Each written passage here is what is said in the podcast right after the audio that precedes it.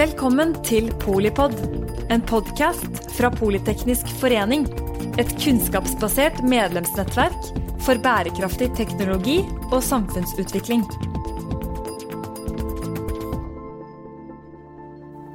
Hei, og velkommen til denne episoden av Polipod. Morgendagens næringsliv. I dag skal vi snakke om morgendagens bokbransje. Med oss er jeg heldig å ha fire av eh, landets fremste eksperter på bokbransjen. Helge Rønning, professor emeritus, medieviter og litteraturveter eh, ved Universitetet i Oslo. Også fagbokforfatter. Karine Nyborg, professor i samfunnsøkonomi ved Universitetet i Oslo. Både faglitterær og skjønnlitterær forfatter.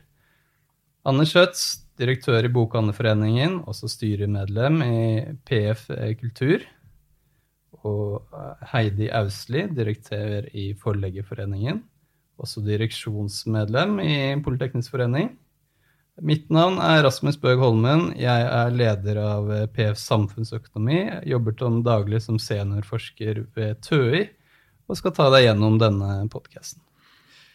Så før vi begynner å se i krystallkula, eh, så ønsker vi å få et litt eh, overblikk over utviklingen eh, til bokbransjen i Norge historisk sett.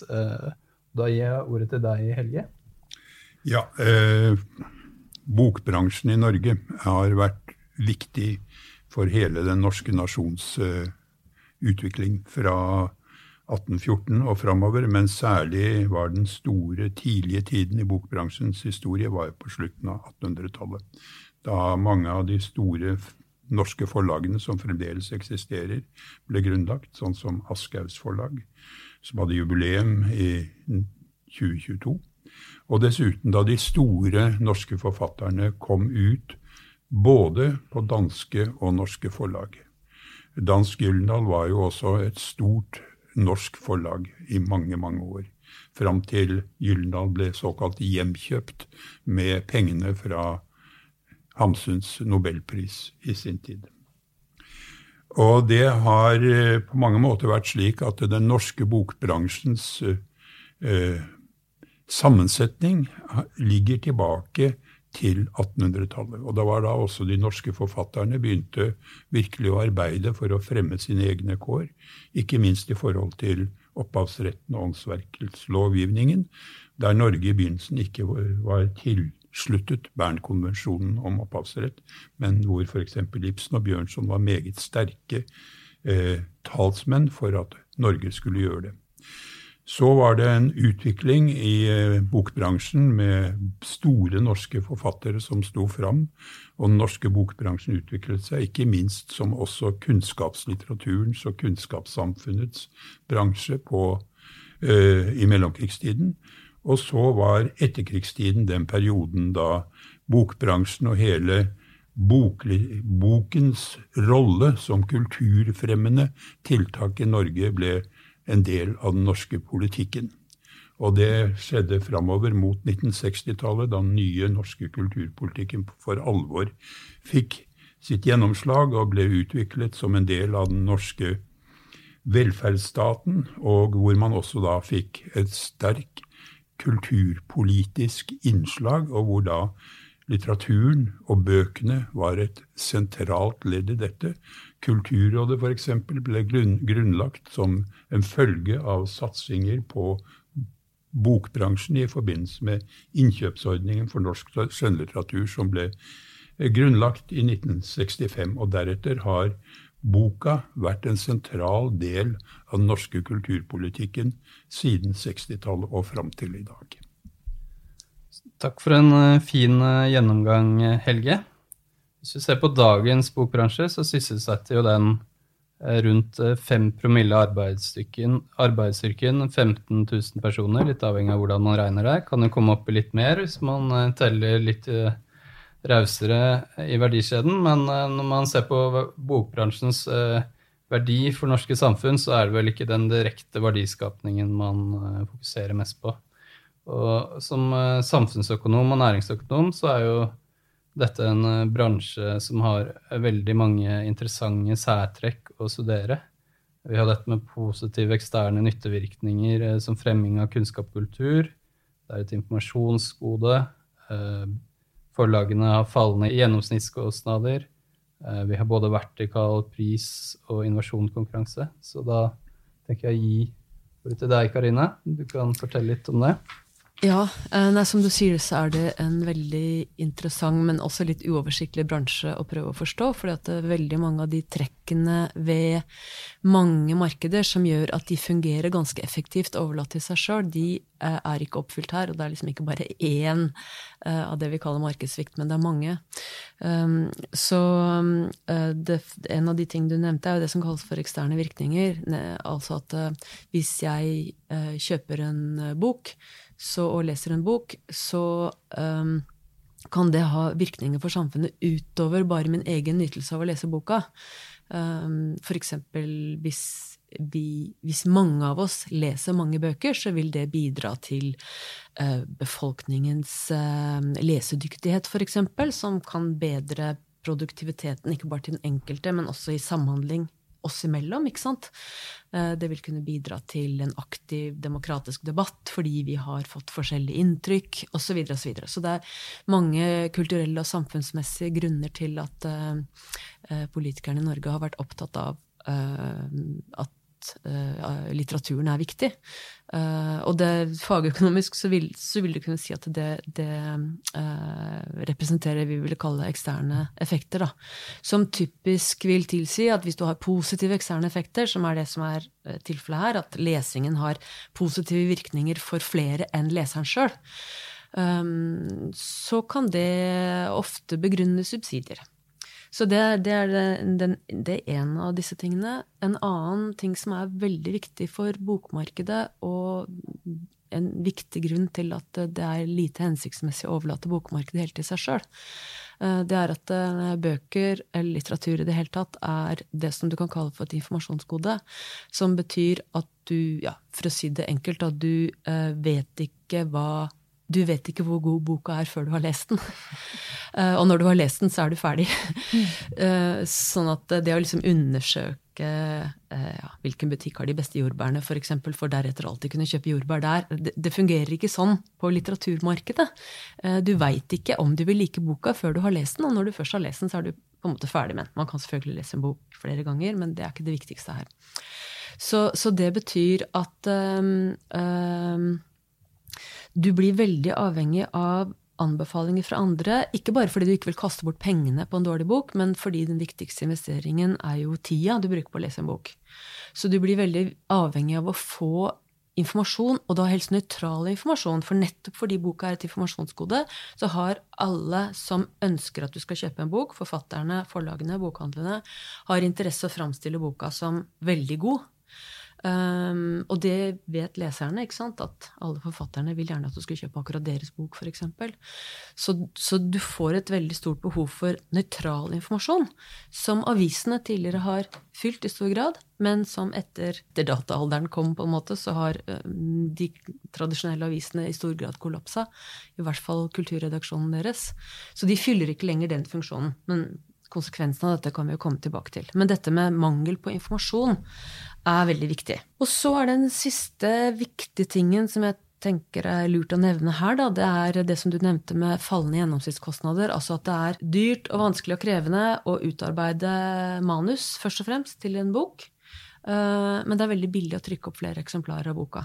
Og ekstremvarianten av det er jo e-bøker, som det i praksis er gratis å gi ut flere kopier av. Hvis et marked skal fungere effektivt på egen hånd, så må du ha stigende kostnader jo mer du produserer.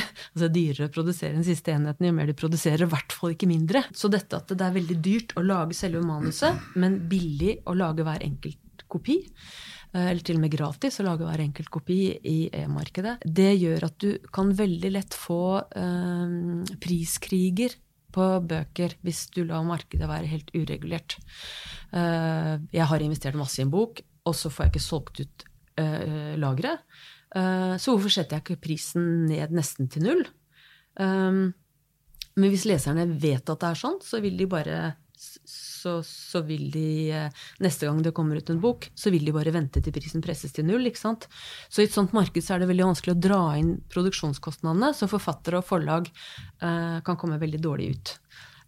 Fastprisen er jo en av Dette er en av begrunnelsene for denne fastprisordningen, da, som vi sikkert kommer tilbake til etterpå. Så ekstremvarianten av dette, som jeg nevnte, det er jo e-bøker. En e-bok som er lagt ut på nettet uten kopisperre det vil i praksis være det som økonomer kaller et fellesgode, nemlig et gode som er fritt tilgjengelig og gratis for alle, noe som er fantastisk bra, men som det er veldig veldig vanskelig å hente inn eh, få dekket inn produksjonskostnadene til. Så markeder fungerer generelt veldig dårlig for fellesgoder.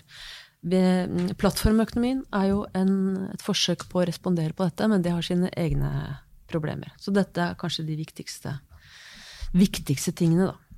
Jeg syns jeg du la ballen opp eh, godt for eh, videre podkast. Um, eh, jeg tenker vi skal eh, ta et steg tilbake og se litt på de litteraturpolitiske målene først. Eh, begynne med produksjonssiden, med bredde, mangfold og kvalitet.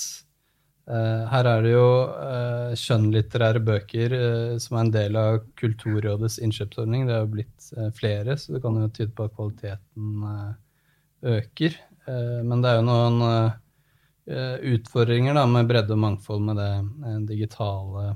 Da tenkte jeg å gi ordet til deg, Heidi. Mm. Du kunne jeg tenker Hele denne bransjen har jo et ganske svært samfunnsoppdrag med alle aktørene som er involvert. Og et av de er jo å være med å styrke og utvikle, men også bevare kulturen vår og språket vårt. Vi skal huske vi er et veldig, veldig lite land. Eh, et gatehjørne, antageligvis, som befolkningsmessig i, i andre lands eh, målestokker. Men eh, vi har et rikt språk, men er en veldig, veldig liten språknasjon. Og det å være med å bevare og utvikle det er jo et av de viktige målene for denne bransjen. I tillegg til å eh, spre kunnskap, gode opplevelser, sørge for at vi er en opplyst befolkning. Og der er jo nettopp produksjonen eh, av et mangfold av ulike titler, da, mangfold bøker hvert eneste år, veldig, veldig sentralt. Vi skal huske at det gis ut rundt 10 000 titler hvert eneste år. Eh, og det er jo ikke nødvendigvis god butikk i alle de 10 000 titlene. Eh, sånn at eh, jeg tenker jo at forlagene er med på å ta en veldig sånn stor risiko ved å fremme nye forfatterstemmer i tillegg til de godt etablerte forfatterstemmene, og sørge for at det er en historie vi alle kan ha glede av å lese, og som er med på å styrke identiteten vår og demokratiets utvikling. Da. Det jeg tenker at vi bør være liksom bekymra for, og det er litt både det som Karine også er inne på, det er jo alt det andre som skjer rundt. Det gjør noe med lesingen vår også. Eh, hvor mye tid vi bruker på lesing. Vi vet at barn og unge i dag leser mindre og dårligere eh, enn før. Og, og det er jo nettopp det å formidle litteratur eh, ut til barn og unge spesielt, men også generelt sett hele befolkninga, noe av det viktigste eh, vi gjør. For det er åpenbart det er en historie for alle der et eller annet sted.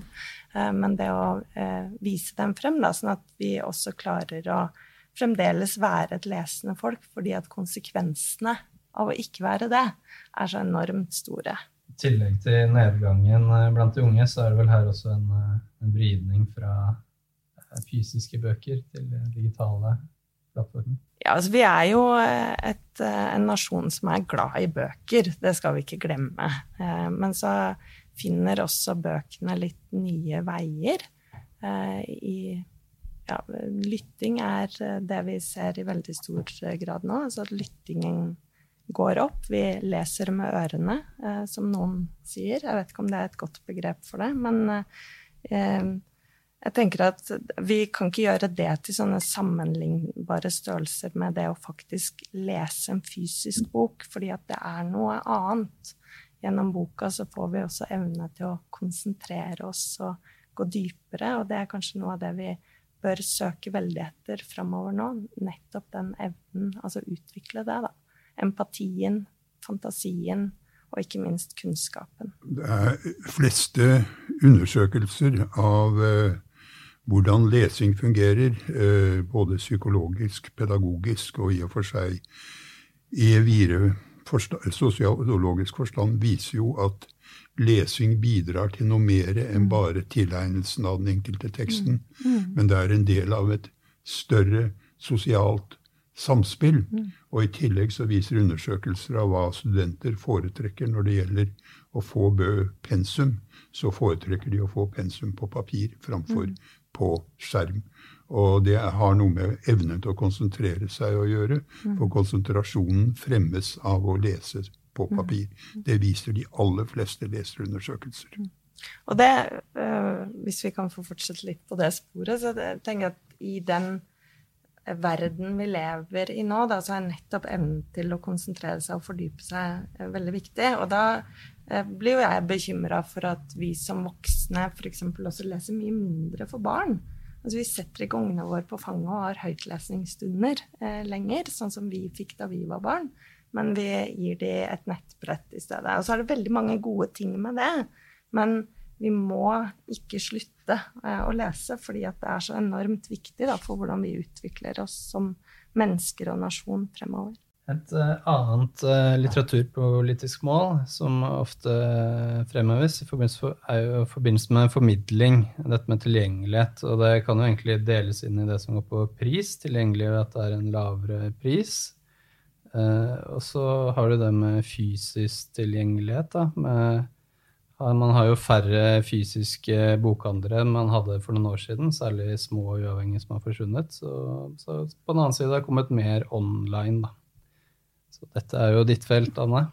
Det er det. Jeg tenker Det kan være fint å starte litt innledningsvis med at vi faktisk leser jo veldig mye. Mm. Altså som Tar du leserperspektivet her, så har vi jo et mangfold av litteratur tilgjengelig i de kanalene vi selv vil, egentlig i de formatene vi selv vil, om alt mulig. Så når vi ser på bokhandelen vår, så solgte vi over 50 000 forskjellige titler. Så man snakker om at det fins virkelig en bok for alle.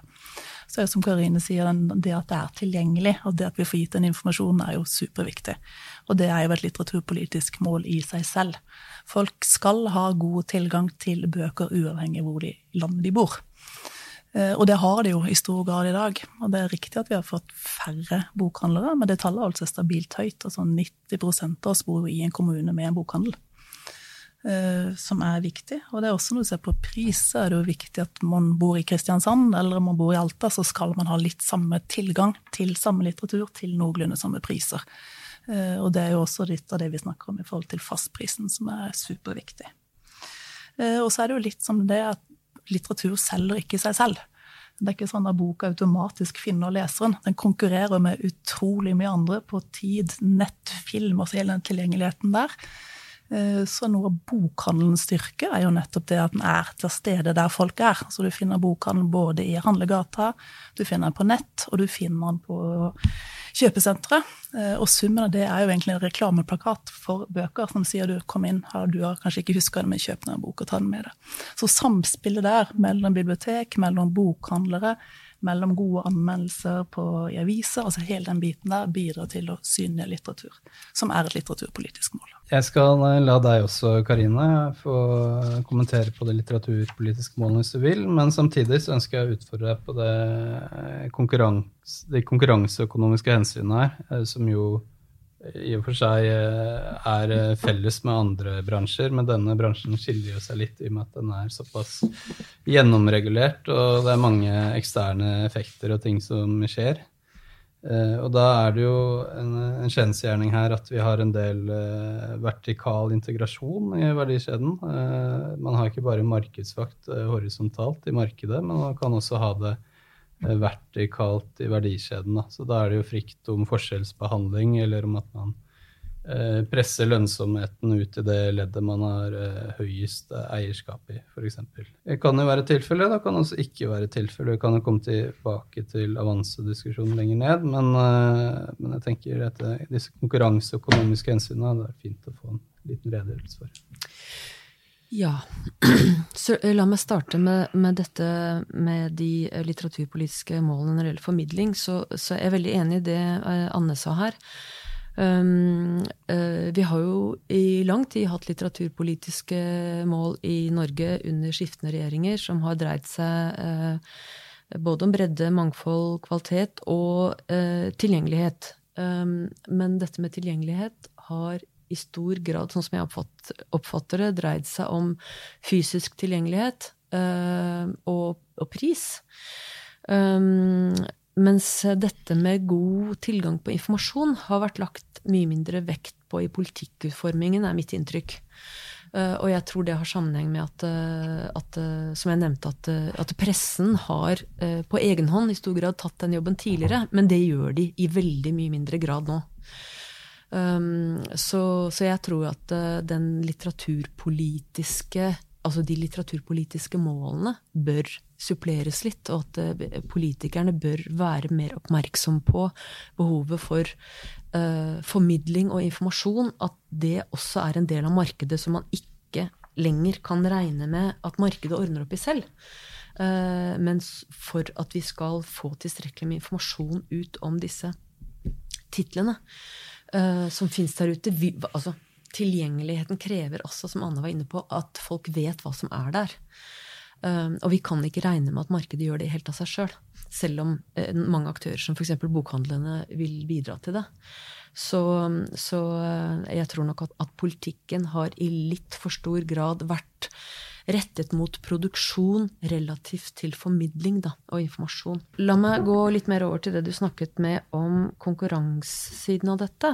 Ja, du har helt rett i at uh, bokbransjen er mer uh, integrert i forskjellige ledd, vertikalt integrert, som jeg tror du sa. Altså at eh, bokhandlere og forlag er ofte i samme verdikjede, har samme eiere.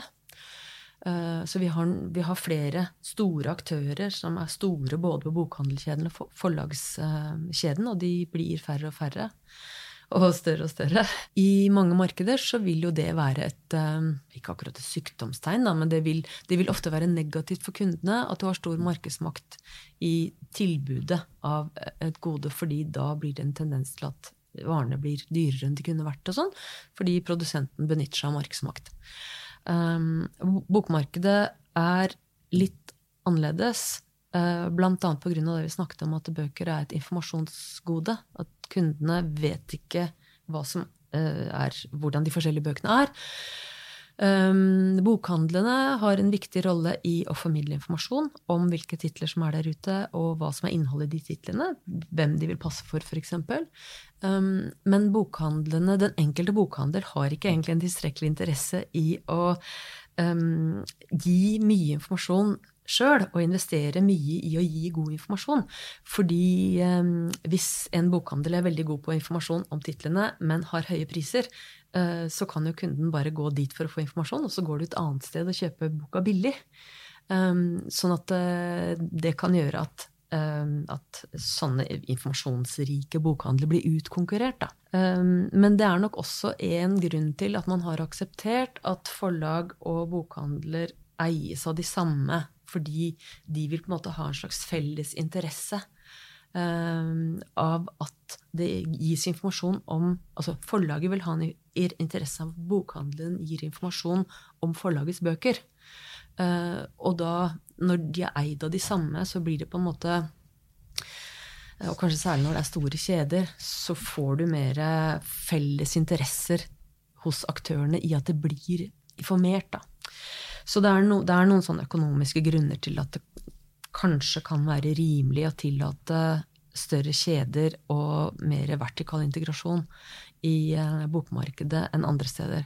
Da vil jeg si at det er også noen viktige motargumenter. Uh, og det er særlig ett som jeg er opptatt av, som jeg syns har vært uh, altfor lite framme i den litteraturpolitiske diskusjonen. Um, og det er det som går på at for en stor bokhandelkjede så vil det være veldig rasjonelt å ha et sentralt organ som gir råd til de enkelte bokhandlene om hvilke bøker som er uh, lurt å ta inn. Um, så slipper hver eneste bok, uh, butikksjef å sette seg inn i alt som er der ute. Um, så det er klart at de, de, har et sentralt organ som gir råd til de enkelte bokhandlene. Det er dette som kalles for bok, Bokrådet. Um, hvis du får en situasjon hvor noen få kjeder er veldig dominerende, og hvilke bøker de promoterer i sine bokhandler, er um, i praksis i stor grad bestemt av disse bokrådene, um, så blir det jo faktisk sånn at de som sitter i disse bokrådene, det er en liten gruppe personer i, i hver kjede, uh, de får veldig stor innflytelse over hvilke bøker folk i, rundt om i hele landet oppdager. Så, så, jeg vil si at det, det, kan være et argument for å begrense bokrådenes innflytelse i hver kjede. Det kan også være et argument for å begrense størrelsen på kjedene. Takk for det, Karine. Du skal få et, eh, en replikk her, Anne, på dette med bokrådene. Eh, men litt kort først på den tilgjengelighet og informasjonsbiten. Eh, for det som er nå, altså hele den digitale biten sett i sammenheng her, med hva vi kan dele altså Bokhandlerne bruker enormt mye bare på søkeoptimalisering. Så det du søker på et eller annet som du er interessert i, så kommer du nå til bokhandel. Så vi sprer jo informasjon nå på en helt annen måte enn det vi kanskje gjorde før. Og så er det i forhold til kjedene så jeg tror ingen andre enn oss skulle ønske at det fantes fantastisk ekstremt mange bokhandlere, og at det stadig var en økning. Men vi skal være veldig glad for at vi har de bokhandlene vi har, som er ekstremt bra, eh, og som faktisk i forhold til litteraturpolitiske målet betyr at vi også har gode distriktsbokhandlere. Så for Nordli på Universitetsgata gjør også at vi har Nordli på Evje, f.eks., som er et bitte lite sted. Eh, og det er en viktig bit. Eh, og når vi nå snakker om disse bokrådene, så tenker jeg også det er viktig, nettopp som du sier, altså den fordelen med de er jo at hver enkelt bokhandler ute slipper å sitte og ha kontroll på alt. De, hver av disse 10 000 bøkene som kommer ut, i kombinasjon med de 50 000 som de faktisk da selger. Uh, og så er det også noe med kundenes forventninger da. Altså En liten bokhandel kan være så idyllisk som bare det, men jeg vil ikke klare å ha de forventningene til å bygge opp en netthandel, klikk og hent. Uh, vi har store fordeler nå med lagerstyring, f.eks som gjør at hvis du kommer i en bokhandel i Oslo og sier du dessverre den er utsolgt for forlaget, det er ikke her, men jeg kan se at den finnes tilgjengelig i Alta, så får du den. Så det er mye store fordeler her også som gjør at vi får ut den bredden. Eh, og så har vi også skaffe leveringsplikt. Så alle bokhandlere plikter å skaffe samtlige av de bøkene som kunden etterspør. Eh, vi har litteraturabonnement. Eh, og så er det også viktig å vite at når vi ser på de bøkene som vi solgte i fjor, så altså de 100 mest solgte, det utgjør bare 17 av totalomsetningen. Eh, og når vi også ser på i fjor, på de 50 mest solgte titlene, så var det 19 forskjellige utgivere som sto bak det. Så det er altså ikke bare de tre største. Så det vi ser at de tre store forlagene, andelen titler som de utgjør der, har vært nokså stabil de siste ti årene. Mens det er fra de små forlagene dette har økt, fordi vi har helt andre digitale systemer nå som spiller på lag med hverandre, egentlig. Og gjør det mulig å få det mangfoldet ut på en annen måte. Og så er jo bibliotekene veldig viktige også i den formidlingsdelen av litteraturen. Altså, det er ingenting som er bedre enn å møte noen i en bokhandel eller et på bibliotek som sier ah, 'Det er deg, Heidi. Du er helt sikkert interessert i denne fordi at du har lest den, og den likte du.' Og dette, altså, den personlige kontakten og formidlinga er, er, veldig, veldig viktig. Eh, det jeg eh, har tenkt mye på, er jo hva er det som skjer nå som handelsmønstrene er i endring. Altså vi handler på en helt annen måte sannsynligheten for at færre går inn i fysiske butikker, da, er jo veldig stor eh, fremover. For det har vi sett også i andre markeder. Og da tenker jeg at eh, kan vi vri dette fra å være 'jeg må finne boka', til at boka finner meg. Og der tenker jeg at Norge sånn generelt sett eh, på digitale handelsløsninger er relativt lite avanserte. La oss uh, følge dette opp uh, når vi snart kommer til indrefileten, altså sentrale utviklingstrekk og også dette med reguleringer. Uh, men, men, før vi kommer dit, og vi alle følger opp alle disse kommentarene dere bremmer inne med, så tenkte jeg at vi kunne, vi kunne, gå litt gjennom aktørbildet. og Det er jo noe som mange kjenner til, da, men kanskje ikke alle lytterne. Vi har disse fire store. Gyldendal, Aschehoug, Vigmosa Bjørke og Cappelen Dam. Eh, som har tett eh, under 70% av forlagsmarkedet i omsetning, i hvert fall. Så det er litt annerledes med titler. Eh, og så er det jo nye internasjonale aktører, da. Ja, Eggmont ble nevnt, Strawberry ja, osv. Så, videre. så dette er jo noe du kan veldig godt, Helge. Så istedenfor at jeg drar videre gjennom dette, så kan du kanskje ta en liten gjennomgang av? Altså, Norge er eh, på en måte kjennetegnet ved, som veldig mange andre bokmarkeder, ved at det er en tredeling av forlagene. Det er de store, dominerende, som ofte er ikke ett forlag, men som er forlagsgrupperinger som har ulike innprint under seg. Og så er det de mellomstore, eh, som da består av enkeltforlag, som ofte er veldig viktige, ikke minst kulturpolitisk. Og så er det en skog av uavhengige og mindre forlag. Og det, dette system, systemiske trekket finnes ikke bare ved det norske bokmarkedet, men det finnes stort sett over hele Europa og ja, i de fleste bokmarkeder, faktisk. Og det betyr også at det, i motsetning til det som mange påstår, at det, dette er en veldig fastlåst bransje, så er ikke det tilfellet. Det er en bransje med veldig store endringer som hele tiden foregår, og hvor hele, noen forlag vokser, og noen forlag minsker i betydning. Og det har ikke bare med eh, økonomiske forhold å gjøre, det er også det at forlaget i seg selv er noe mer enn en økonomisk størrelse. Det er faktisk et merkevare som også eh, har sin styrke ved å ha en intellektuell eh, intellektuell betydning som er bygd opp gjennom historien. Og For å ta et nordisk eksempel, så er da Dansk Gyldendal et meget godt eksempel. At det også er Danmarks største forlag, det er en annen sak, men det er også bygd opp gjennom en lang historisk rekke ved å bli sentral i den danske kulturen på samme måte som jeg vil si at de store norske forlagene de er kulturinstitusjoner i Norge. De er ikke bare økonomiske institusjoner.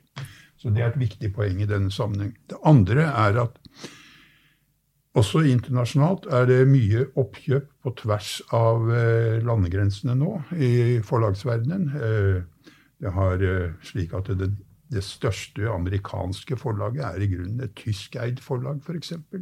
Random House det jo Penguin. Eh, og det er slik at eh, det kjøpes inn i de ulike forlagsbransjene fra de ulike landene, sånn som du nevnte at eh, Cappelen Dam er eid av Eggmant, som er et dansk konsern. Politikken har kjøpt opp Kagge forlag. Bonnier kjøpte opp det som heter Strawberry. Og de store nordiske forlagene er på en måte integrert i hverandre. Så er det slik at uh, disse oppkjøpene og disse integreringene som foregår, det foregår over hele Europa og i USA. Og det kan vi si at ja, vi liker det ikke, men på den annen side så fører det da til at innenfor konsernene så er det en lang rekke ulike forlag med ulike profiler. Og så det er altså konkurranse innad i konsernene også mellom de ulike forlagene. Nå var det nylig i USA en eh, strid om oppkjøp av Simon Schuster, som da ble nektet av det amerikanske kultur, eh, konkurransetilsynet fordi at eh, det ville bli, gi for stor mark, makt til Random House Penguin. Men det betyr ikke at man ikke følger med og ser hvorledes det er. Altså, De internasjonale forlagene er ikke ett forlag. De er mange forlag under én paraply. Og Det er viktig å få med, og det er den samme situasjonen vi på mange måter ser i Norge nå. F.eks. ved at Gyldendal har gått inn og laget samarbeidsavtale med Pax og Dreyer og, og Press. Så dette er en situasjon hvor forlagsverdenen er veldig mye preget av stadig utvikling. Både økonomisk, men også rent imagemessig.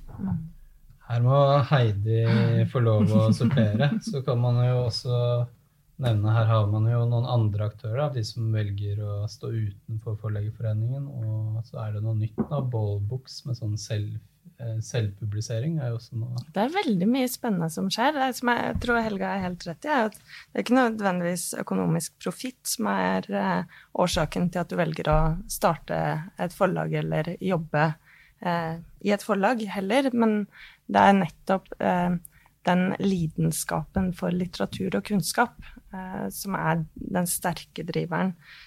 En sånn eh, kjapp regning på hvor mange forlag som finnes, er vel at det er sånn rundt 500 som har det som, eh, som sin virksomhet i Norge. Og så er det vel 1500 eh, utgivere, og så kan man diskutere alt mellom her et eller annet sted. Men at det er mange eh, norske forlag, det er det i hvert fall ingen tvil om.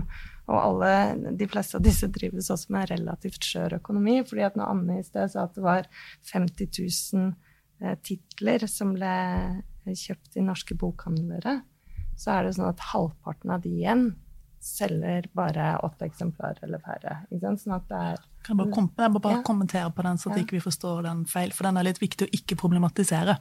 Eh, for når vi snakker om 50 000 her, så er jo dette nettopp fordi at bokhandelen også selger eldre titler. Ja, absolutt, det er ikke, dette er definitivt ikke fjorårets. Nei. det, det, var, det, er 10 000 titler ca. per år som gis ut, og så solgte man da 50 000. Nei, av, de, nei, av alle titler som er tilgjengelige. I, Av alt. Så selger Nye og gamle bøker. Ja, men det er egentlig en fordel.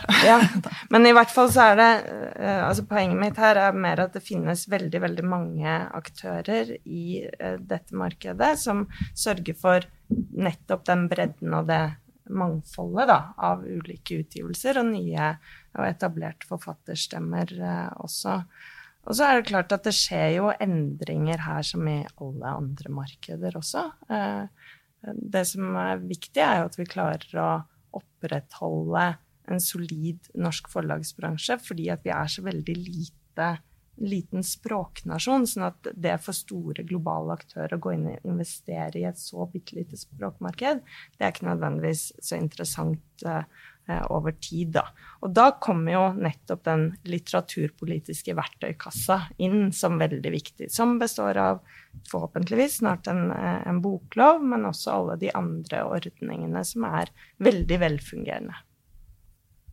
Da er tiden eh, inne for å snakke om eh, bokhandlerne. Og de også, det er også andre disputører man kan nevne. Kiosk, dagligvare, bokklubber, biblioteker, eh, digitale bokhandlere eller innkjøp av skolebøker. Men når man snakker om bokhandlere, så er det jo da Ark, som er Gyllendals bokhandel, og Nordli, da. Aschehoug, som står for nærmere 60% av omsetningen. Og så har vi hatt eh, flere tidligere. Tanum er, er jo nå eh, ute, som Cappelen Dam eh, hadde. Men uh, Vigmostad Bjørke har jo Akademika, Haugenbok, e-bok.no osv. Så, videre. så er det mye, mye strømmetjenester og sånt på vei inn. Fabel, Storytel. så dette er jo også noe du kan utdype, Helge. Ja, altså Også her eh, vil jeg peke på at det er en stadig forandring innenfor dette markedet. Og at det, det er ikke fastlåst. Det er uh, stadige endringer. Men uh, det som jeg er mest opptatt av denne, av denne sammenhengen, er to ting. Det første er at det er viktig at det er andre bokhandlere enn de store kjedebokhandlene. Og der er det interessant å se internasjonalt at nå er det slik at de små og ofte spesialiserte uavhengige eller independent bokhandlere internasjonalt vokser. Og en av grunnene til at Amazon ikke er i Norge, er at vi har et mye sterkere norsk bokbransje, som er en norsk bokbransje. Så det er vanskeligere for en sånn internasjonal aktør som Amazon å komme inn. Når det gjelder Amazon, så kan man vel nevne at man har en, en slags språklig barriere der, da, som kanskje hjelper litt til. Du, de selger norske bøker på Amazon? Ja, selvfølgelig. De gjør jo det også. Men likevel. Og så har vi jo det med strømmemarkedet. Det er jo eh, noe som kjennetegnes med et marked med nettverkseffekter og stordriftsfordeler og en tendering mot høy markedskonsentrasjon. Så det er også en problematisering her, da. Så Anne, du ja, bare utdype litt på bokhandelsbiten også. Eh, litt på Nordli er det viktig å påpeke at den altså ikke 100 er av Aschehoug, men av Aschehoug og Norgesgruppen. 50-50. Det er viktig. Og så er det også av de 200 butikkene, så er det 57 av de som er lokaleid. Det vil si at de har et innkjøpssamarbeid eller en profilsamarbeid, men de har også sin lokale utvalg. Eh, som gjør at de også kan få tilgang på typisk klikk og hent, eh, distribusjonsløsningene frakt, men de er også selvstendige. Bare for at det, det, er et mer mangfold her enn det man av og til omtaler det som, som er litt viktig å få frem. Eh, og så igjen på distriktsbokhandelen, altså. Eh, for litt i forhold til hva vi måles på, så er det jo god tilgjengelighet, og det er god tilgjengelighet. Eh, og det er et stort mangfold som er de to viktigste tingene. Og med den konkurransen så koster det mye det å lage gode bokhandler da, som tilfredsstiller de forventningene som kundene har. Som er vant til å gå på Netflix og altså hele den biten der. Du må ha gode bokhandlere, de må ha sunn økonomi for å klare å få det til. Eh, og så tenker jeg det er litt interessant, for bibliotekene er superviktig. Mm. Eh, men når vi ser også ut fra leserundersøkelsen, da, så er det veldig veldig mange flere som går i butikk. Og 70% går i butikk, mens 30% sier at de har lånt. Men de som låner, de låner til gjengjeld veldig mye. Så sånn sett så jevner det seg ut. Men den mangfoldsbiten over hele landet der er superviktig. Eh, og litt på distribusjonsbiten. Men igjen, når vi ser hvor mange forskjellige utgivere vi solgte fra i fjor, så tror jeg vi ligger over sånn 1600 forskjellige utgivere på disse bøkene. Så det er jo helt vanvittig mye. Og så er det som dere sier, superspennende på hva som skjer på distribusjonsfronten videre. Både i forhold til bærekraft, grønt, eh, hvor det skal være. Så er det til å skje masse. Så det er virkelig en bransje hvor ting kommer til å skje, og hvor det skjer egentlig hele tiden. Men det er en utfordring eh, at vi kjøper kjøper færre bøker. Vi, opp, altså vi oppsøker færre fysiske plasser. Altså vi har blitt latere, liksom. Men vi trenger bøker. Ja, liten... Og da må vi finne den der eh, matchen der. Da. Mye av dette er jo en sånn generasjonsskifte som Eller skille, eller hva man skal kalle det også. sånn at det der, hvis vi klarer å tenke morgendagens bokbransje ut ifra at boka skal komme til meg, i stedet for at jeg trenger å oppsøke den hele tiden, det tror jeg er en viktig utfordring til oss alle.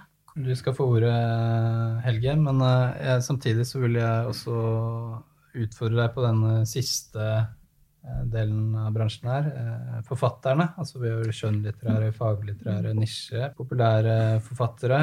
Og det er også andre innholdsleverandører her. Oversettere, illustratører, bokdesignere. og man kan også ta med andre deler av bransjen. da. Eh, trykkeriet, distribusjonssentraler, eh, formidling og kritikk, litteraturkritikk osv. Et lite poeng før jeg kommer til det. Og det har med de, noe av det som jo nå i løpet av de siste ti årene omtrent har virkelig preget eh, bokmarkedet og vært diskutert mye, det er situasjonen med strømmetjenester. Mm. Og strømmetjenesten illustrerer på en måte den situasjonen som uh, var i musikkbransjen for uh, noen tiår siden. Den gangen det var stor konkurranse innenfor musikkbransjen. Hva gjør vi med strømmetjenestene? Hvor, hvorledes skal musikken kunne distribueres? Og nå er det kommet da innenfor bokbransjen. Det som for det første er viktig å ha for øye, det er at de strømmetjenestene som er i Norge, og med unntak av Fabel, de er alle internasjonale. Mm. Fabel eies av Aschehoug og Gyldendal, men de andre eies av internasjonale aktører. Det er det ene. Det andre er at det er kjempestor konkurranse innenfor den bransjen. Og det er stadige oppkjøp, og det er stadige noen som må gi seg. For her er det noe problemet med hvordan får man tak i det som er det viktige innholdet. Hvor man får tak i rettighetene til å lese inn bøkene fra forfattere, fra forlag og fra dem som leser inn. Nå har det for øvrig kommet en sånn eh, automatisk innlesingsløsning som ikke Amazon, men som eh, Apple har forsøkt, og som høres nesten ut som den levende menneskelige stemme. Men det er en annen sak. Eh, men poenget her er at dette er et felt hvor det er for oss som er forfattere, og som representerer forfatterne, er veldig viktig å følge med. For forfatternes mulighet for å tjene penger der er i ferd med å bli undergravd. Og det er derfor disse strømmetjenestene må behandles på en helt annen måte enn i forhold til avtaler med forlag. Altså, der har jo Norge laget uh, det tror vi kan være enige om at det er ganske gode lydbokavtaler. Og så er det en utvikling vi følger veldig tett nå sammen med skribentorganisasjonene også.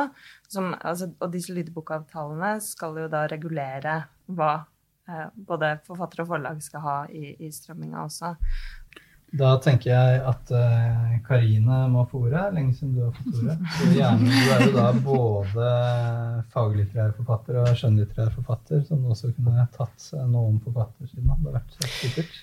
Ja, um, Uh, nei, men la meg, la meg, først følge opp litt av det som sies om plattformene her. For det er jo veldig uh, viktig fra et forfattersynspunkt, uh, ikke minst. Det er, den tredje hatten min er jo at jeg er fagøkonom også. Disse plattformene er veldig interessante fra et fagøkonomisk synspunkt, fordi de er en det er en markedsform som skiller seg så fullstendig fra liksom standardmodellen i eh, første året samfunnsøkonomi på Blindern, og hvordan eh, markedet fungerer. Disse plattformene som jeg tror du var inne på, de er jo sånn at eh, jo flere bøker en plattform gir deg tilgang til, jo mer attraktiv er plattformen. Så plattformen er mer attraktiv for kundene jo større plattformen er i en viss forstand. Altså ikke betydningen antall kunder, men antall uh, bøker den kan skaffe deg. Um, og det betyr at, uh, hvis, uh, at det blir en slags konkurranse mellom disse plattformene om å ha flest mulig bøker. Og så har vi og leveringsplikten. Det vil være attraktivt for kundene å velge den plattformen som har, gir deg tilgang til flest mulig bøker. Ehm, til en lavest mulig pris. Og dette gir et race mellom plattformene til å um, få flest mulig kunder. For det gir ikke noe særlig høyere kostnader for plattformen. Uh, men det gir dem selvfølgelig høyere inntekter. Så så lenge de, alle disse plattformene gir deg forskjellige tilbud, fordi vi faktisk ikke har helt samme tilbud på mm. bøker i, altså Fabel har mer uh, Aschehoug sine, f.eks. Storytel har mer Cappelen sine bøker. Eh, så kan kunder ha en grunn til å eh, av og til eh, abonnere på det ene, av og til abonnere på det andre. Hvis alle gir deg tilgang til alt, så kan det fort bli en bevegelse i retning av at én plattform blir den store, som alle kundene er på, hvor, det ikke er noen grunn til å bytte. Så du kan ha en veldig sterk kraft i retning av stor monopolisering. Og det, vi ser jo allerede at Storytel er veldig store. ikke sant? Det, det, kan fort fortsette. Hvis du får én eller noen veldig få plattformer som blir veldig store, så får de enormt stor makt. Den forfatteren som nekter å legge inn bøkene sine der, eh, faller fullstendig ut. ikke sant? Eh, sånn at eh, her er det veldig forskjell på kort og lang sikt fra forfatter- og forlagssida eh, hva som er gunstig utvikling. På kort sikt for en forfatter så vil du gjerne ha bøkene dine alle steder. På lang sikt så kan jo det vi kan risikere at det er en dødslinje, for da eh, havner vi plutselig med et monopol som i praksis kan bestemme over oss, litt som Amazon gjør i det amerikanske markedet. ikke sant? Så det, det, her er det viktig å ha, ha dette under øh, oppsyn. En mulig måte å forsøke å, å holde dette litt under kontroll, som øh, samfunnsøkonom og forfatter Helle Stensbakk Hun mener at, at plattformene antagelig i større grad bør tvinges til å drive enkelttittelsalg. Mm. Altså i stedet for at du betaler en abonnementsavgift per måned, og så får du fri tilgang til alt. Og så deler de på en måte en del av salgsinntektene mm. sine på forfatter og forlag. Uh, så, så, uh, så, må du betale for enkelttitlene du, du lytter til. Og, så, og i hvert fall må plattformen gi betalingen videre etter, enkelt, etter enkelttitler. Uh, jeg jeg syns det, uh, det, er interessante tanker som bør uh, vurderes videre.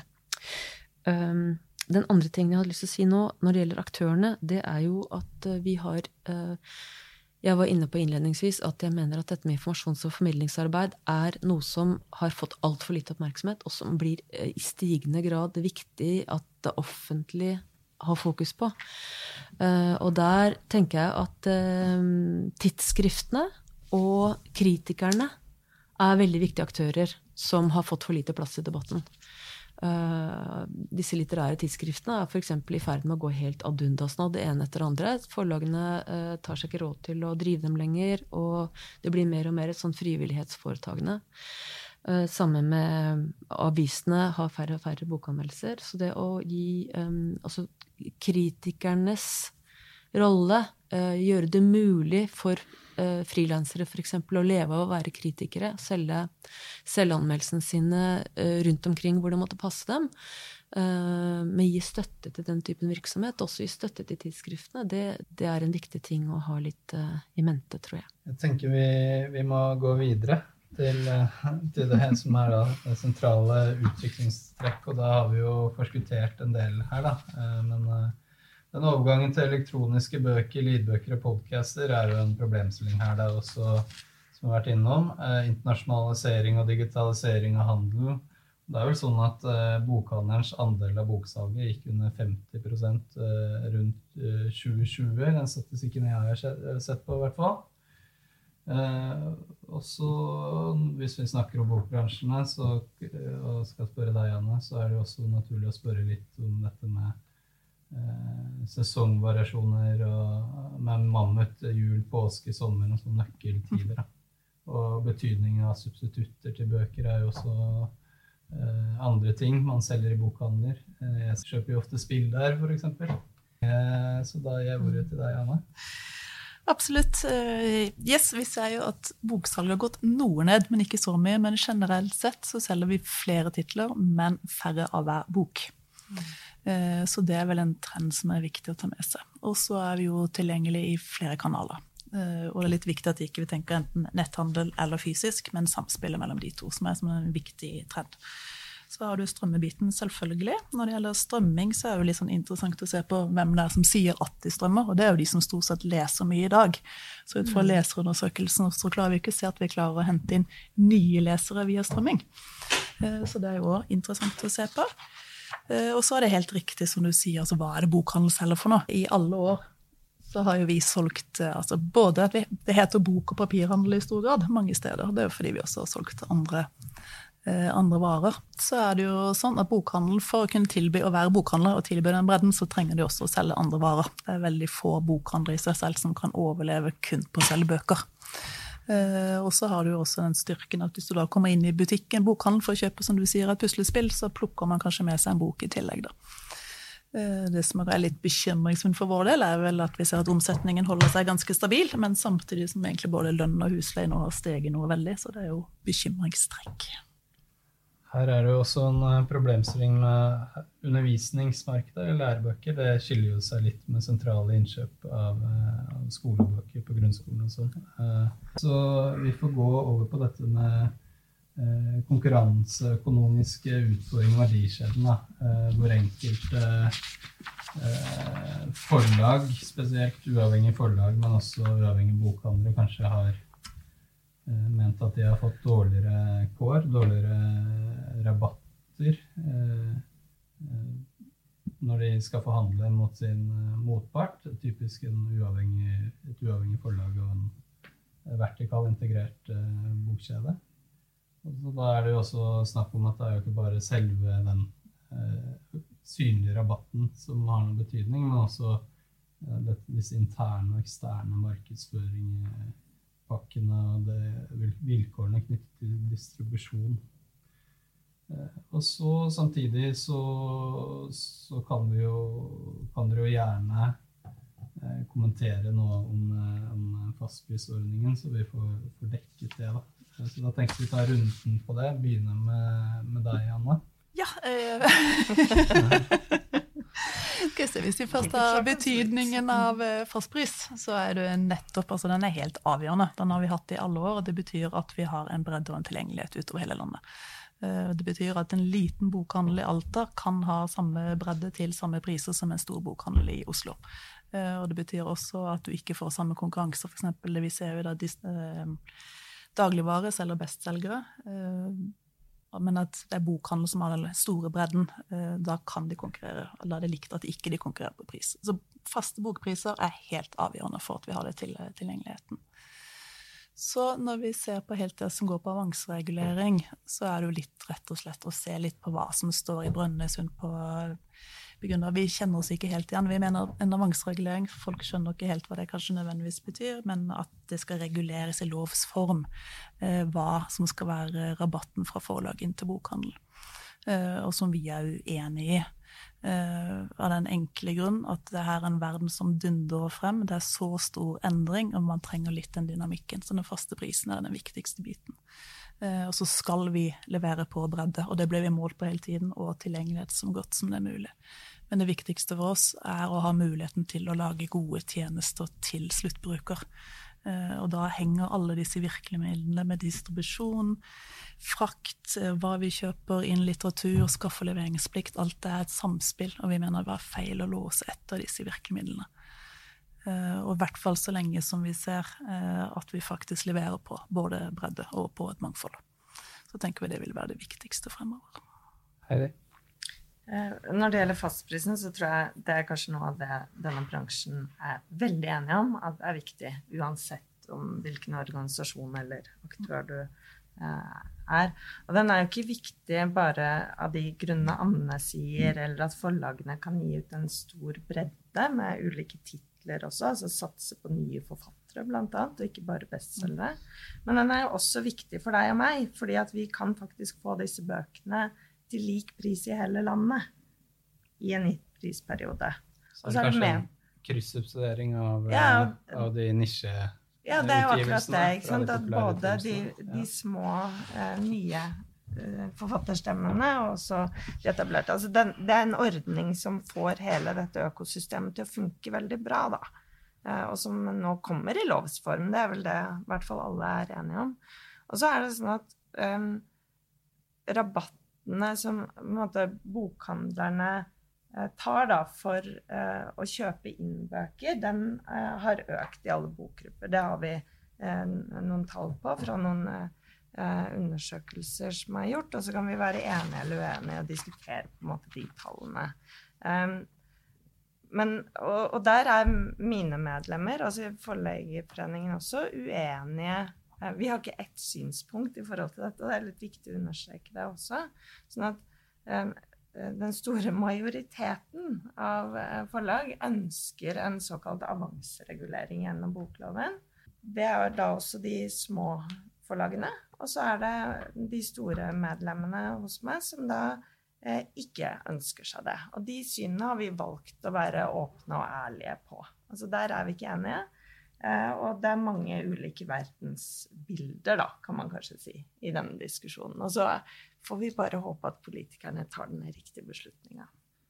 Ja, I den av avansedebatten er det jo mange motstridende effekter og eh, litt uoversiktlig. Ja, og vi vet jo ikke helt heller, det er jo også viktig å si. Ja. Vi vet jo ikke hvilke effekter det vil ha. Man kan jo både stenge ute, eller man kan få bedre vilkår. og det, ja. Karine? Så det, vi, jeg tror aldri vi har tatt oss tid til å definere helt hva fastprisen er. Og for de lytterne som ikke er så inne i dette mm. markedet, så kan det være verdt å, å, påpeke det. fordi det virker som når man diskuterer dette, at mange tror at fastprissystemet betyr at det er en fast pris på bøker som markedet ikke selv kan regulere. Mm. Og det er ikke helt riktig. Fastprisen betyr bare at eh, pris til eh, bokkjøper, altså en sluttbruker, skal være uendret i eh, et, et, visst tidsrom. Eh, ja, sånn eh, et år, halvannet, der omkring. Avhengig av når boka kommer ut. Um, så, så, fastprisen betyr bare egentlig at forlaget står fullstendig fritt til om de skal prise boka til én krone eller 10 000 kroner, eller et eller annet sted midt imellom.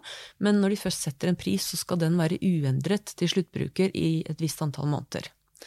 Eh, sånn at eh, det er, ikke noe, det er ikke noe automatisk at fastprissystemet gir høye priser.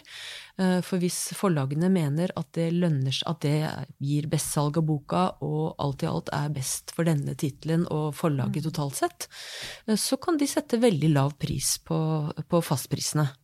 Så, så, poenget er bare at det skal være samme utsalgspris i alle kanaler i, mm. mens boka er ny. Mm. Ehm, for å unngå det som jeg snakket om innledningsvis, at eh, noen bokhandler bruker mye ressurser på informasjon, og så går alle bokkjøperne dit for å få informasjon, og så kjøper de boka billig andre steder. Eh, eller det er en av tingene som det er ment å, å unngå. Så, så fast, fastpris betyr ikke at markedsmekanismen er satt ut av spill, men det betyr at akkurat som aviser enn når du kjøper en avis i løssalg i én kiosk, så koster den like mye som hvis du kjøper den i en annen kiosk. Det er bare det samme systemet. Uh, og, og, og, fastprisen bidrar til, i hvert fall i utgangspunktet, så bidrar fastprissystemet til å løse en god del av de markedssviktproblemene som jeg snakket om. Det hjelper, hjelper til å begrense informasjonsproblemet fordi det gjør det mulig å overleve for bokhandlere som gir mye informasjon.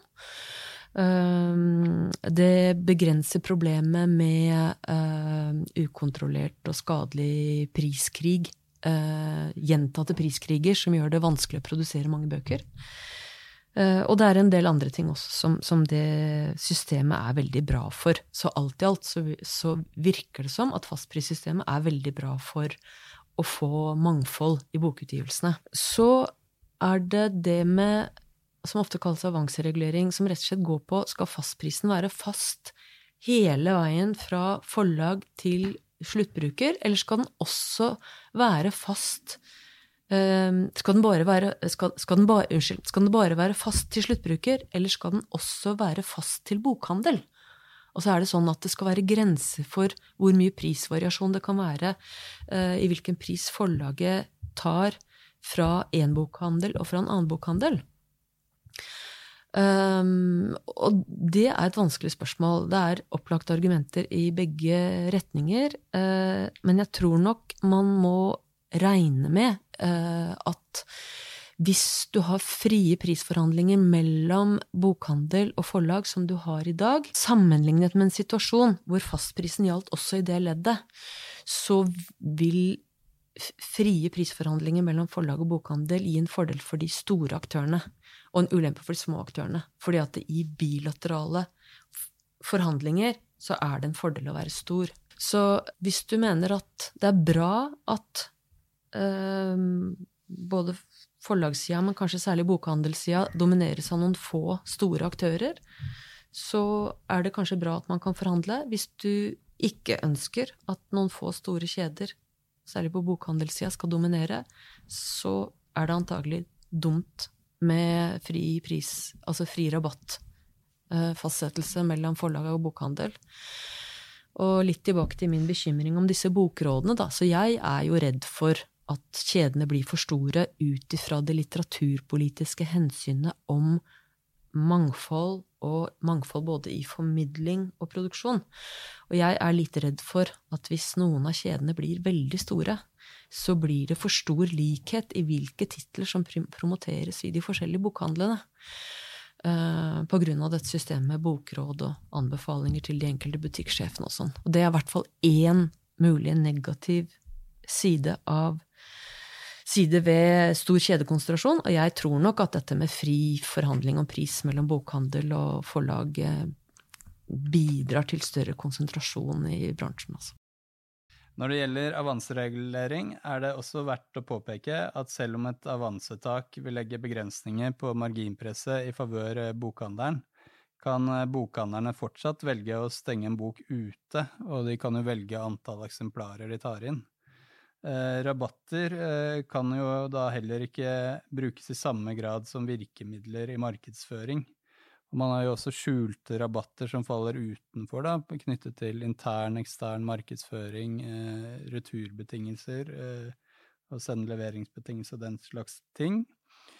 Og man kan jo også risikere at bokhandlerne vrir seg mot andre goder, så eh, disse mekanismene og de som er nevnt tidligere, det gjør jo at man har flere motstridende mekanismer som går mot hverandre. Da. Eh, så det er jo ikke helt gitt hvordan dette vil påvirke de litteraturpolitiske målene.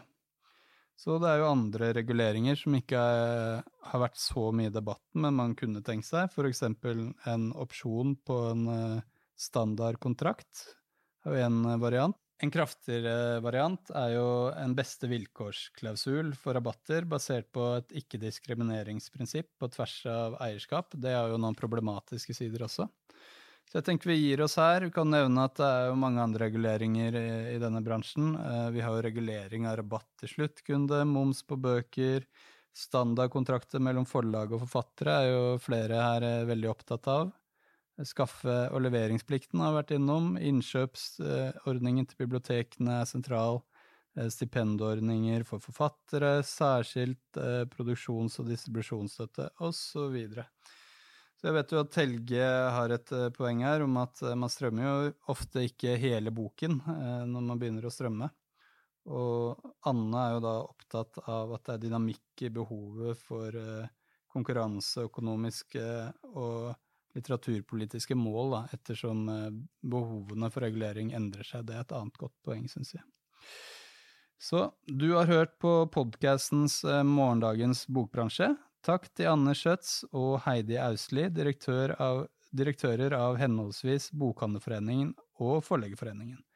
Takk til Helge Rønning og Karine Nyborg, begge professorer ved Universitetet i Oslo.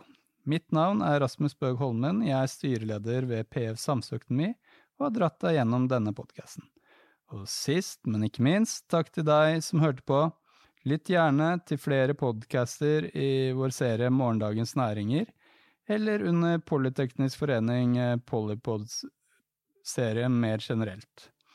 Eller kanskje det blir en lydbok neste gang, eller en lyddrama, eller kanskje en elektronisk bok, eller kanskje en pocket eller hardcover, hvem vet? Uansett, mange takk for oss. Takk for at du lyttet til Polipod fra Politeknisk forening. Få med deg flere episoder, eller bli med på nettverksmøtene som du finner på at polyteknisk.